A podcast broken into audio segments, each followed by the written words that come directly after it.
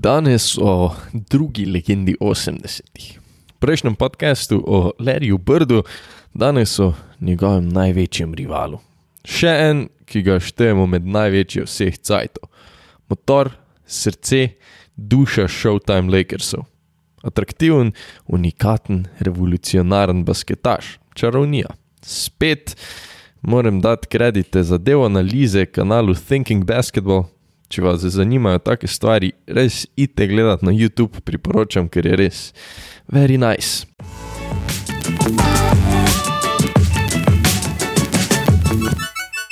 Irvin, Magic Johnson ima na računu pet prstanov naslova prvakov, tri MVP-je, tri MVP-je finala, 12krat je bil All-Star, 9krat je bil v prvi All-NBA ekipi, 4krat je vodil ligo v asistencah in 2krat v ukradenih žogah. Noro. Svetu košarke je nesporen. Celo Brt je v enem od intervjujev dejal, da če ga citiram, je Magic izjemen košarkar, najboljši, kar sem jih videl. Neverjetno, ne vem, kaj naj rečem. Danes ga mladina morda bolj pozna po izjemno bizarnih tvitih, ko praktično ne pove nič. Naprimer, leta 2014 je zapisal, da Edina možnost, da San Antonijo ali Miami ne osvojita prstana, je, če nobena od teh ekip ne pride v finale. No, shit, Ervin. ali pa v zmagi Clippersov nad Lakersi je bila X-faktor klop Clippersov, ki je klop Lakersov outscorala 60-19 z Louisem Williamsom na čelu, ki jih je prispeval 21. Cenim povzetek sofa skora Magic. Pol uh, širša javnost ga morda pozna kot enega najslavnejših oseb, ki živi z virusom HIV. Uh, ta virus je staknil v začetku 90-ih, no, svetu košarke pa velja za enega najboljših napadalnih košarkarjev v zgodovini. Kljub temu, da ni bil glih izjemen skorer. Velja za moža z neverjetno zbirko vrhuncev, moža izjemnih potez, velja za enega najboljših, če ne najboljšega podajalca žoge v zgodovini pod stropom TD Gardna visi Brdova 33, v Staples centru visi Magicova 32. In čeprav ni v tem objektu nikoli igral, saj so eh, rumeno-violi časti v času njegove kariere igrali v The Forumu, Johnsonov dres tam visi več kot upravičeno, saj se je z zlatimi črkami upisal v zgodovino Los Angeles Lakersov. Kaj ga je delalo tako posebnega? Magic je razbil prototip playmakerja svojimi 206 cm uletel med sredo tradicionalno zelo nizkih organizatorjev igre in razbil sceno. Da se prvo dotaknemo torej znamenitih Showtime Lakersov, atraktivnega, hitrega stila igre, ki so ga v prvi polovici 80-ih gojili predvsem na Johnsonovih krilih. Magic je imel sposobnost izjemno dobro voditi žogo pri solidni hitrosti, sprintu. Odlično je pri hitrosti spremenjal tudi smer, in na tak način iz ravnotežja metal že tako slabo postavljene obrambe, ker so Lakersi rešili grab and go, torej pobrali skok, takoj v kontro. Bil je en najboljših transition passerjev, v sprintu so šli nad nasprotnika, če je bil najboljši move, da poda, je podal, zaradi višine in fizične moči pa je velikrat lahko tudi kar sam zaključil. Ko je bil v gibanju, se je preprosto spustil mal nižje, Eh, in na moč prodrl skozi nasprotnika. Lahko torej govorimo o enem najboljših, če ne najboljšem igralcu v tranziciji nasploh.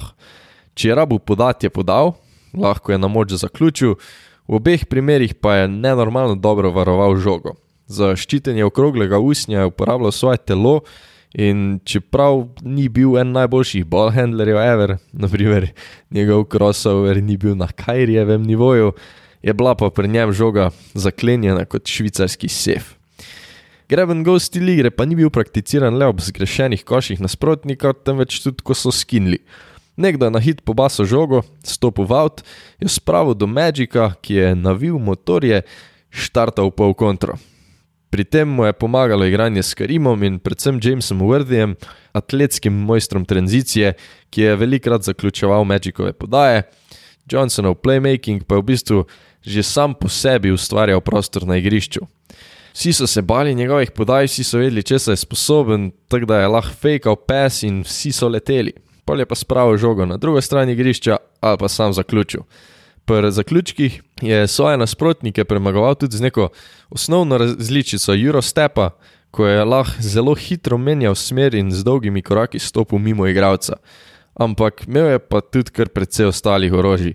Mehek dotik mu je pomagal pri tehnično nekoliko zahtevnejših metih, kot so floaterji, uh, rolling pa hookshoti, uh, živce in občutek pa je ohranil tudi pod faulom in ob kontaktu še vedno, tudi izven rakete, uspel žogo elegantno spraviti proti obroču in velikrat tudi zadet. Zaradi svoje višine je videl čez košarkarje, ki so ga pokrivali. Tako da je med tem, ko je njegovo telo, torej s hrbtom proti obroču, ščitilo žogo, pregledal situacijo in najdel osko odprtino, skozi katero je pošiljal točne in močne podaje, skozi res mala okna in na tak način razstavil obrambe. Bil je torej čisti mismatch za košarkarje na branilskih položajih, saj ga sami niso mogli kriti če pa so ga podvajali, pa je to pomenilo kolektivno smrt, saj je slejko prej spravil žogo do kjer ga od nepokritih soigravcev. Podajal pa je tudi čez raketo, čez glave nasprotnih košarkarjev, kar je na vseh papirjih precej slaba odločitev. Uh, Magikovo branje igre je bilo izvenzemljsko in je praktično počakal, da so nasprotniki, čeprav sam za trenutek, pogledali v stran, prednje vrgu svojo lasersko podajo. Se pa tisti papiri, ki pravijo, da je to torej bugi pes, vseeno ne načist lažejo. Eh, včasih je precenil, kako hitro lahko žogo spravi do svojega igralca, in tudi če obramba za trenutek ni imela oči na žogi, jih je hitro spet vrnila in prestregla ali pa preusmerila podajo. V želji, da bi podaja ratala, pa jo je velikrat podal tudi premočno, zaradi česa je svojim igralcem ni uspelo okrotiti. Kakorkoli, Magic je en najboljših playmakerjev v zgodovini. Njegova glavna naloga je bilo pripravljanje priložnosti s soigravcem, s čimer je dosegel tudi neverjetnih 11 asistenc na tekmo skozi celotno kariero. Noro.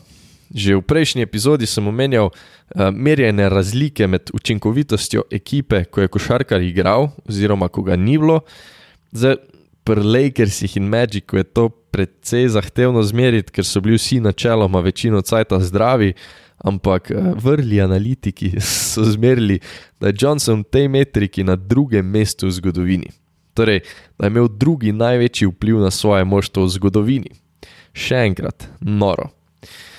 Proti koncu 80-ih pa se je sistem igre zlato-vijoličnih iz L.A. nekako spremenil in se je veliko več napadov igralo z polovice igrišča, torej na postavljene obrambe.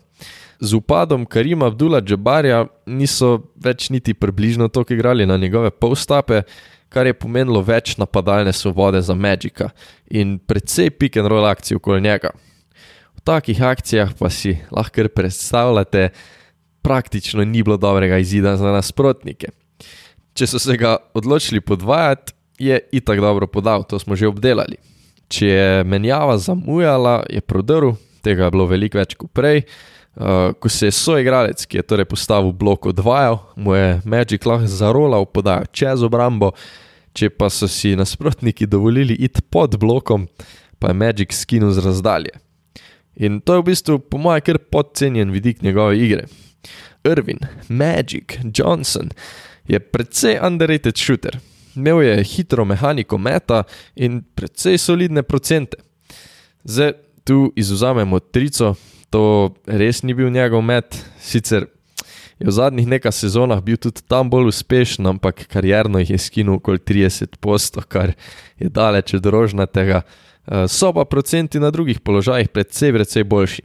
Pol razdalja mu je kar sedla, zaradi česa je bil pick and roll torej še bolj ubijalska akcija. Eh, res da je večinoma polagal, a za dve točki je metal 54 odstotkov in torej kar redno skinu izven rakete.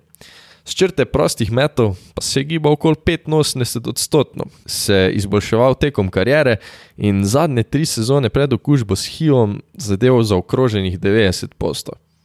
Fauliranje je bilo torej tudi no-go, vse to pa je nabralo majsterski nabor orožij, da ga niso mogli sam čakati do raketi ali pa čakati, da prestrežejo kako podajo.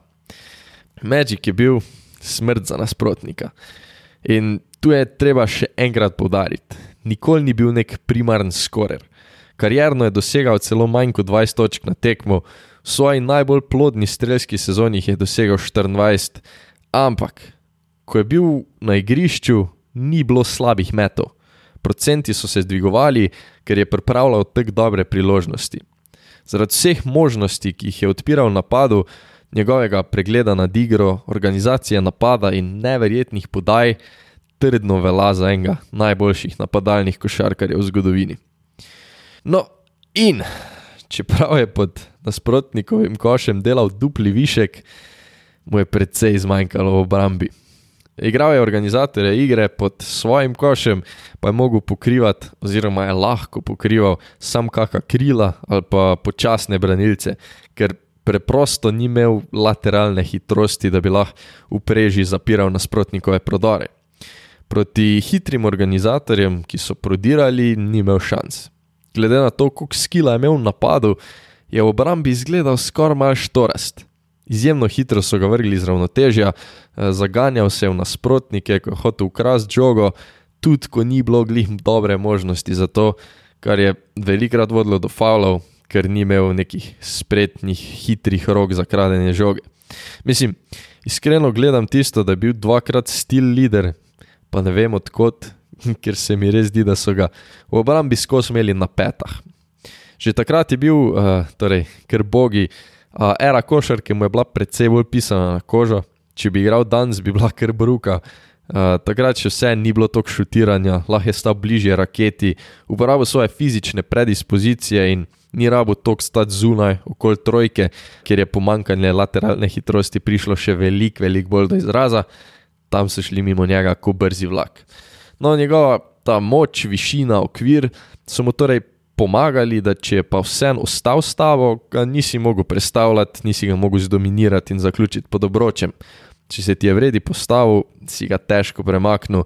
Uh, ko je bil na tebi, pa so bile tudi podaje na vzven kar težke zaradi dolgih rok. Še ena malce smešna je, da glede na to, kak pregled igre je imel v napadu, se zdi, da v obrambi včasih sploh ni vedel, kje je žoga, ni vedel, kaj se dogaja, ki se dogaja. Eh, osredotočil se na neko nalogo, naprimer branjenje svojega košarkarja, če bi pa mal pogledal stran ali pa se obrnil, bi lahko mogoče pomagal pri tekanju ali pa prestregu žogo. Tole se mi zdi, da je kar velika prednost Lerija Brda, no, uh, nočem vleči nekih črt o tem, kdo je boljši, je pa dejstvo, da je ravno občutek za igro Brd veliko, veliko boljši uporabljal tudi v obrambi da je lahko na ta feeling pripomogel k ekipi, podvajal prestregu, čeprav podobno kot Magic ni imel nekih fizičnih karakteristik dobrega obrambnega basketaša. Ista sta pa v tem, da pod obročem praktično nista nudila odpora. Podobno kvir, podobna neskočnost. Če Magic rotiral na prodirajočega igralca, ni nudil dosti odpora, največkrat je fauliral, pa še vse ne dovolj, da bi res zmotil napadalne igralce. To je bil problem posebej zato, ker je bil kot organizator igre, ki je načeloma postavljen najvišje, najbližje sredini, največkrat prvi v obrambi. Sploh ko so nasprotniki žgali kontre, so mimo njega šli kokeks, pajsnili so ga. Ni bilo tu obrambe. Uh, je pa no, zaradi višine, pa tudi zato, ker je v bistvu pokrival više košarkarje, uh, je bil bliže košu, in je imel na stetšitih tudi kar nekaj pobranih skokov, tudi ogromno trojnih dvojčkov. Težko rečemo, da je bil nek izjemen rebounder, da se je dobro postavljal, tudi zapiral ni glih, eh, bolj pač res te fizične pa položajske predispozicije. Je pa bilo to res kar taktičnega pomena pri grab and go akcijah, ker je pobral skok in že v smeru pogled proti nasprotnikovemu košu in v polnem šprintu napadu. Torej, izjemen napad, podpoprečna obramba, enačba, ki nam je vseeno pripeljala legendo prelepe igre košarke in nekaj legendarnih tweetov. Zvezda Showtime Lakersov in najverjetneje prvo ime 80-ih let prejšnjega stoletja. Prvi svoje vrste, velik šef basketa.